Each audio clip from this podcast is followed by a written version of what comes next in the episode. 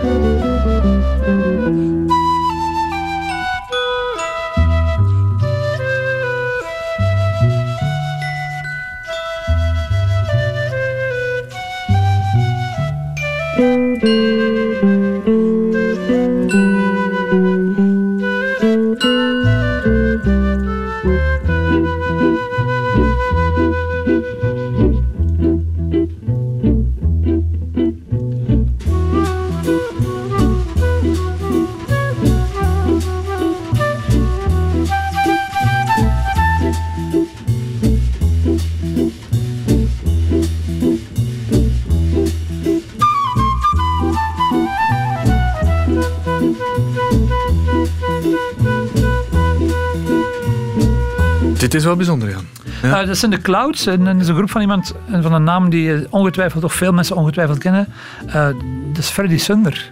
Uh, Och. Het is een groep die in 1961 is begonnen samen met de ritmesectie van het, van het BRT-orkest de BRT, de voorganger van de VRT, is eigenlijk wel heel belangrijk geweest. Omdat je, had, je had, wat had je allemaal? Je had het orkest met Francis B., je had een big band, je had een, een jazzorkest. Dus dat was eigenlijk wel een soort bundeling van talent. Hè.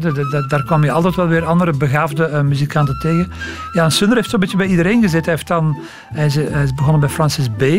als gitarist. En dan is, dat, is hij het, grote orkest dan ook zelf gaan leiden. Maar hij is ook in de BRT Big Band en dat jazzorkest ook beland, ook gaan dirigeren. En daarnaast heeft hij nog een heel pak populaire dingen uh, gedaan, ook Freddy Sunder. Maar hij was ook een bijzonder begaafd uh, jazzgitarist. En het mooie aan, die, want, aan, aan The Clouds, The Clouds heeft maar één album gemaakt, dat is dat hij daarin probeerde jazz met volk te combineren. Ook weer typisch Belgisch om daar dan niet af te blijven. Ja. Om, om, niet te zeggen van we gaan.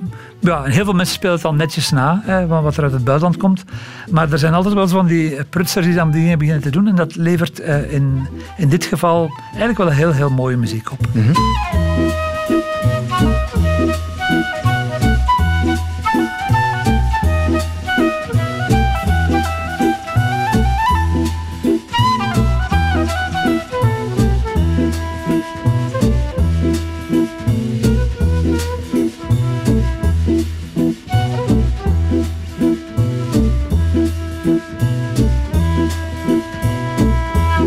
Cecilia van de Clouds. Clouds, ja. Freddy Sunder combineert. Ja, zaliger helaas. En een andere naam die mij, ja, omdat hij zo geweldig klinkt, is, uh, uh, hij is geboren als Jean-Jacques zelfs, maar zijn artiestennaam was Jack Sells.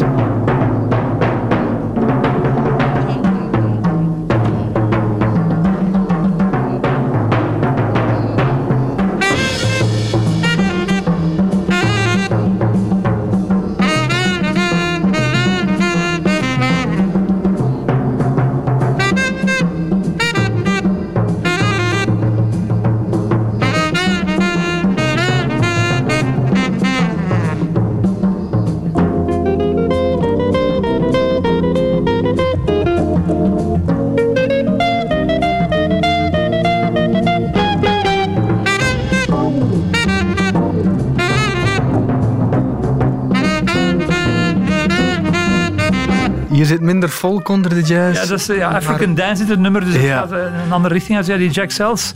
Um, die zijn leven is al verfilmd geweest uh, jaren geleden, 1993. Uh, die film heette uh, Just Friends. En die rol werd gespeeld en wel zeer treffend, om, ja, omdat ja, hij komt er ook echt uit als een soort jazzfiguur door Josse de Pauw, een van onze ja, grootste ja. Uh, acteurs. Uh, zoals ik net zei, het is Jean-Jacques Sells. Dat was een heel rijke uh, rederszoon uit Antwerpen. Wat een geweldige platencollectie al in de Tweede Wereldoorlog. 10.000 stuks, maar dan is in een bombardement zijn die allemaal uh, verdwenen. En ja, dat is een beetje de tragiek van zijn leven. Er is heel veel uh, uh, fout gegaan. Dat is een man echt met een gemiste carrière. Um, hij vond het al erg dat hij niet zwart was, maar... maar ja? Ja, hij vond dat zeer erg. Ja, ja. saxofonist. En hij ziet het... Ja, hij, hij, hij ziet eigenlijk het licht volledig als hij in 1948 de big band van Dizzy Gillespie ziet spelen uh, in Antwerpen. En hij stelt ook een eigen orkest samen met fantastische muzikanten daarin, heel veel volk. Maar ja, is zo goed als onbetaalbaar eigenlijk. En ja, het lukt niet echt. En dan ja, is er ook wel de optie geweest van, van, om naar het buitenland te trekken, maar is eigenlijk hier, hier blijven hangen. Het is een van de weinige mensen uit die generatie. Achteraf werd ook gezegd van kijk, hij had het kunnen maken, maar dat wordt zo vaak gezegd natuurlijk. Als hij hier niet was gebleven, maar je hoort dat ook wel als een, een, ja, een, een ruwe diamant, om, het, om in Antwerpen te blijven. Dat was echt wel iemand die het, het, het heel straf was. Hij heeft ook heel vaak voor het BRT Jazzorkest gedaan, maar dan is hij hier vertrokken om onbekende reden. In 1964 gaat hij hier weg. En dan gaat hij iets totaal anders doen. Hij gaat in de haven van Antwerpen werken. Uh, En hij heeft ook niks, hij wou ook niks meer uh, te maken hebben zo met, uh, met VRT. Hij is heel jong overleden, was 48 jaar. Hij had maar een, een paar platen achter eigenlijk. en bij hem was dat weer het mooie. Hè. Freddy Sunder probeerde jazz en folk te verbinden. Ja. En hij probeerde dat met klassieke muziek. Dat intrigeerde hem ook heel, heel fel. Maar ja, geweldig. Allee, ook de foto's en zo. zo ja, de, hij, hij, ziet eruit zoals zijn naam klinkt. Zo Jack, Jack Sells. Maar ja, een beetje, een beetje tragiek, helaas.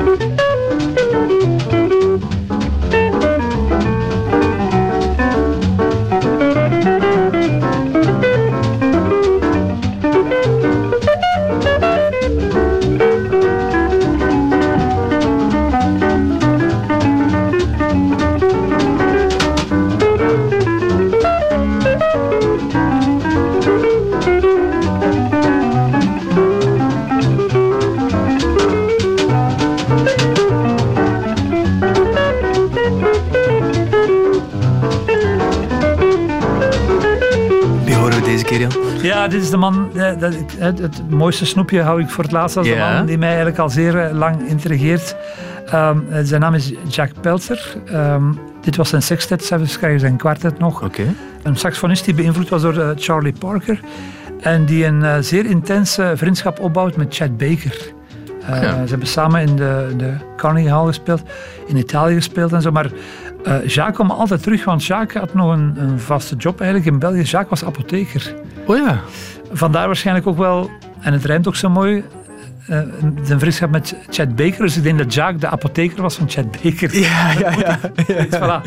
uh, zeer, zeer bijzonder. Maar heeft dus eigenlijk altijd die, die apotheek is hij blijven runnen. En samen met Jack zelfs, want van, van alle, namen, alle namen die op die uh, Let's Get Swinging staan, zijn allemaal naar het buitenland getrokken, behalve dus Jack zelfs.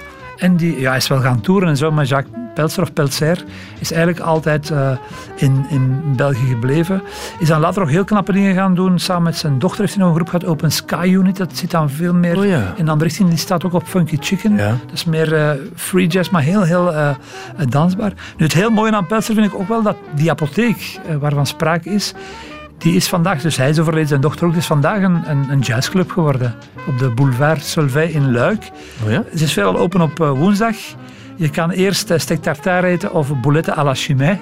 Okay. En daarnaast er een, een, een, concert. En dat zijn ja, de, de, ook de Lander Gijselings en de Verbrugges en zo van, van, van, hè, van, van gene kant van de taalgrens hebben daar gespeeld, maar ook redelijk wat uh, grote namen. Dus eigenlijk wel iets heel tof uh, om naartoe te gaan. Dus in die woonkamer, in de, de winkelruimte van die vroegere apotheek is nu een soort van, ja, een museum is dat niet, maar dat is een soort van, ja, een soort van herdenking aan de grote Peltzer. Dus ja, dat gebouw leeft uh, gewoon verder.